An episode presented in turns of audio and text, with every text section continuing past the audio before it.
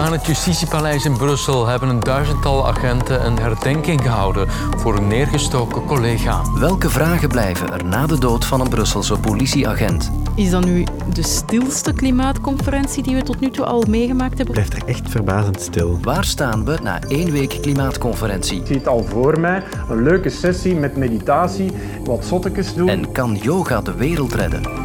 We hebben een kwartier om op zoek te gaan naar antwoorden. Ik ben Lode welkom.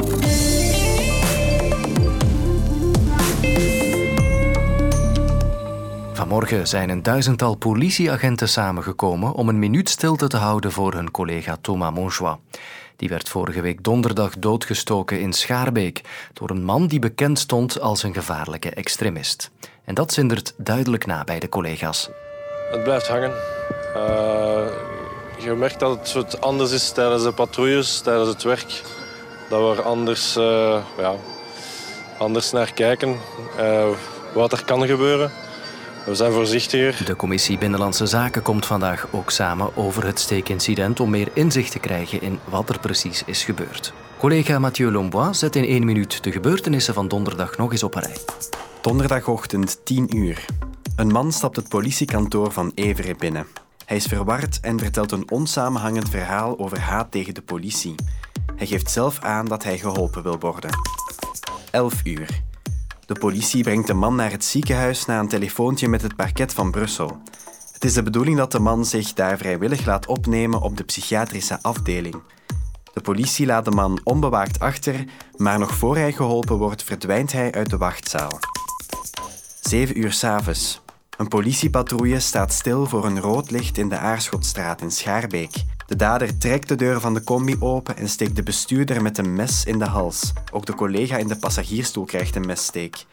De dader vlucht weg, maar een tweede patrouille onderschept hem en schiet hem in het been. De man wordt opgepakt, maar de agent die in de hals gestoken is, overlijdt helaas aan zijn verwondingen.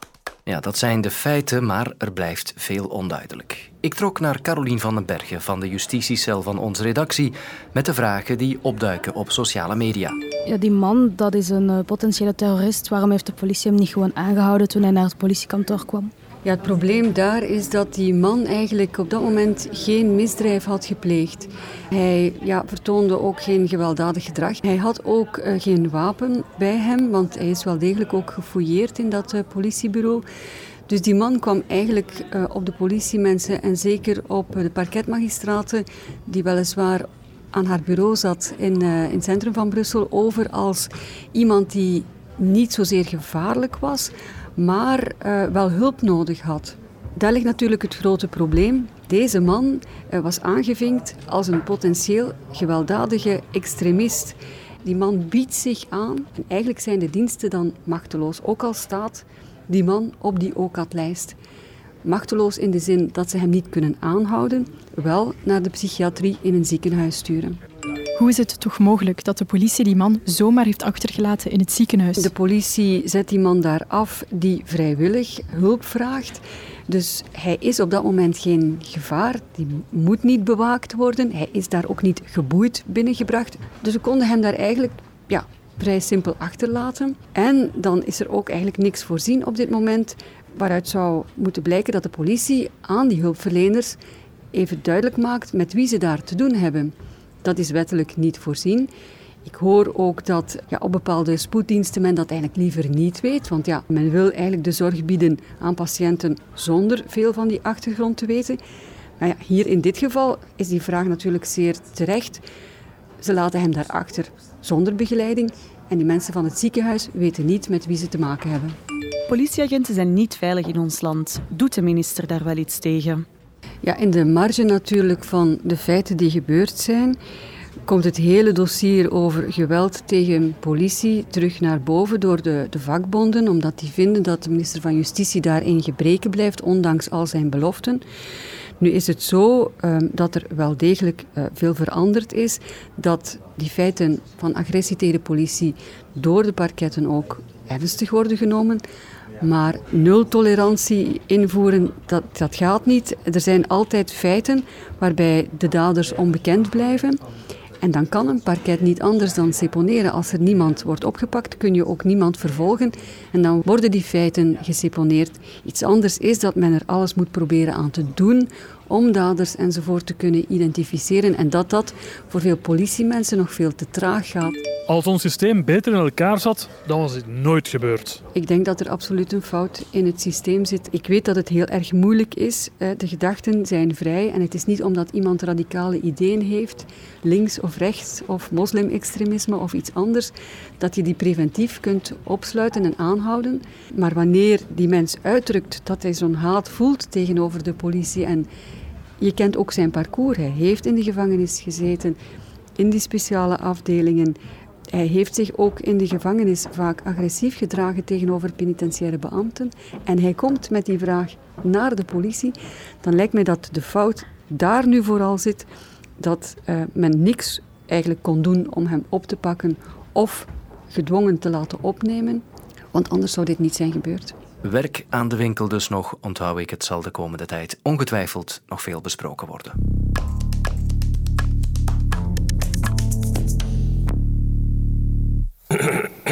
Distinguished delegates, honored guests, colleagues. De klimaatconferentie in Egypte gaat zijn tweede week in. Let us now consider sub-item 2C of the provisional agenda. In Sharm el-Sheikh verzamelen tienduizenden deelnemers van over de hele wereld om afspraken te maken over hoe we de klimaatverandering het best aanpakken. De afgelopen week was er eentje van technische werkgroepen en van speeches van wereldleiders, ook onze premier De Croo bijvoorbeeld. Let there be no doubt. The fight against climate change is a fight for survival. Maar deze week beginnen de onderhandelingen pas echt met de ministers. De voorzitter van de klimaatconferentie, Sameh Shoukri, betreurde vandaag nog dat er tot dusver maar weinig progressie is gemaakt. Ik kon erover spreken met onze man in Egypte. Brussel voor Egypte? Yes, ik ben hier. Stijn Verkruisen. Hey, dag Lode. Wat is er gebeurd de afgelopen week? De vorige week uh, ja, is de uh, de Conference of Parties, zoals dat officieel heet, ieder jaar zo'n eh, klimaattop, is die begonnen met de toespraken van de wereldleiders. Uh, vroeger zat dat op het einde. In Kopenhagen bijvoorbeeld, dan kwamen alle wereldleiders op het einde die top eigenlijk verstoren, waardoor er dan uiteindelijk geen akkoord bleek mogelijk te zijn. Toen heeft men beslist, we zetten die wereldleiders vooraan. Dan kunnen ze ehm, politieke, klinkende toespraken houden die misschien wat een boost geven aan de gesprekken.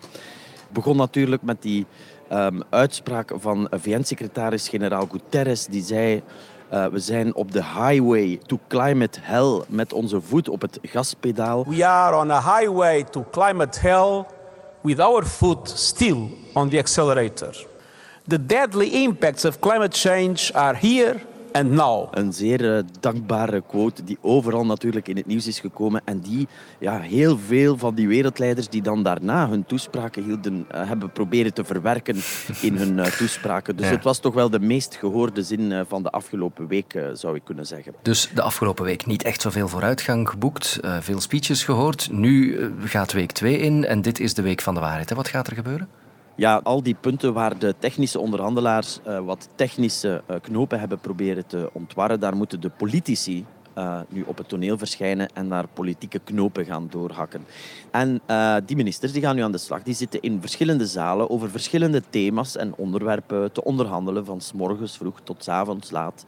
En, en je ziet dat in die laatste dagen die conferentie, die onderhandelingen eigenlijk voortdurend stilvallen, om dan uiteindelijk ja, op vrijdagavond officieel om zes uur te moeten eindigen. Maar dat gebeurt nooit. Nee. Dan wordt de klok stilgezet en dan beslist men, nu onderhandelen we tot het einde. Uh, je ziet hier dan levende lijken rondlopen. Hè. Mensen die uh, in het begin nog fris waren, die zie je hier dan uh, op tapijten slapen. Die zie je dan met wallen onder hun ogen door de gangen lopen, op hun gsm staren, hopend dat ze nog een broodje kunnen vinden ergens. Want dat is hier ook wel zeer problematisch. Er staan gigantisch lange rijen om eten en drinken te kunnen, oh ja. kunnen krijgen hier. Ja, ja, ja.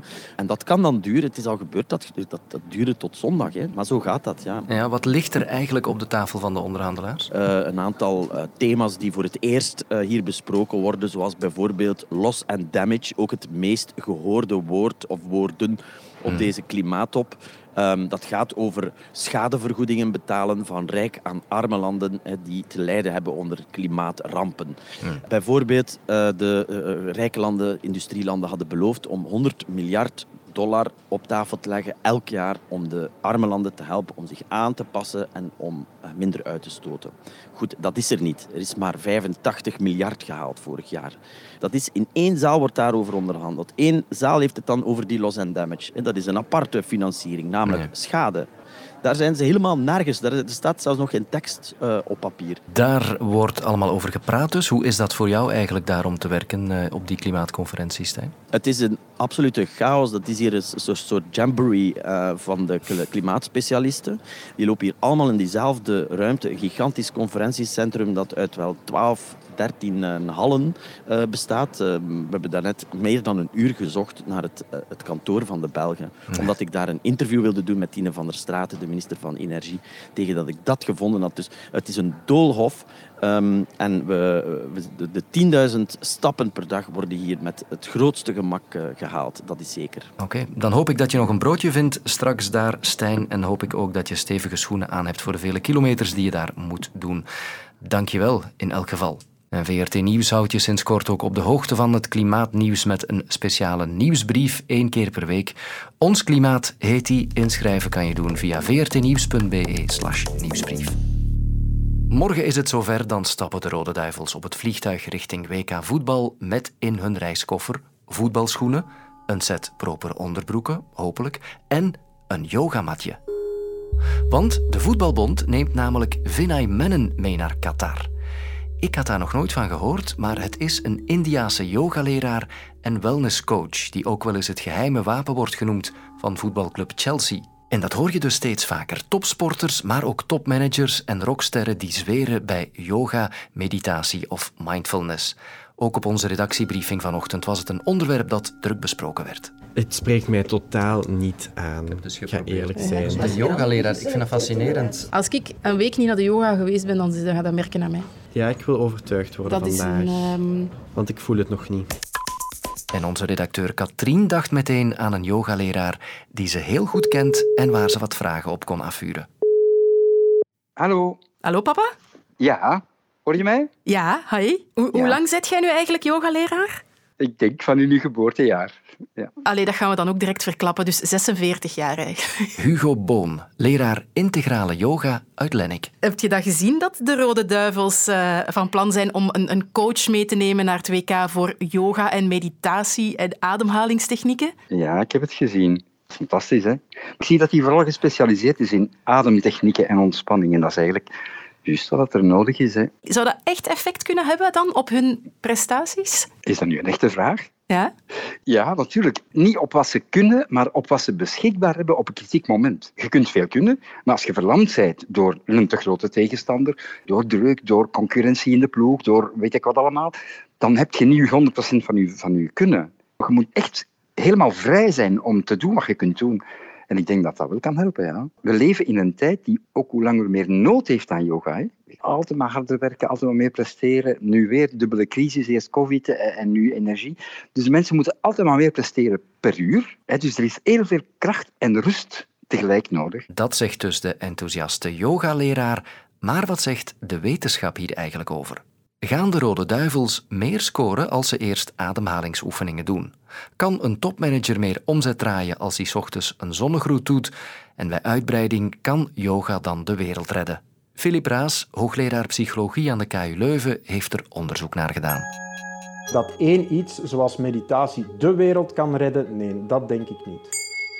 Yoga, ademhalingstechnieken, meditatie. En de mensen kennen tegenwoordig vooral de meditatie vanuit de mindfulness. Dat is een soort meditatie. Die dingen kunnen heel goed helpen voor mensen die misschien wat vaak aanlopen tegen allerhande stress, faalangst, heel veel gepieker.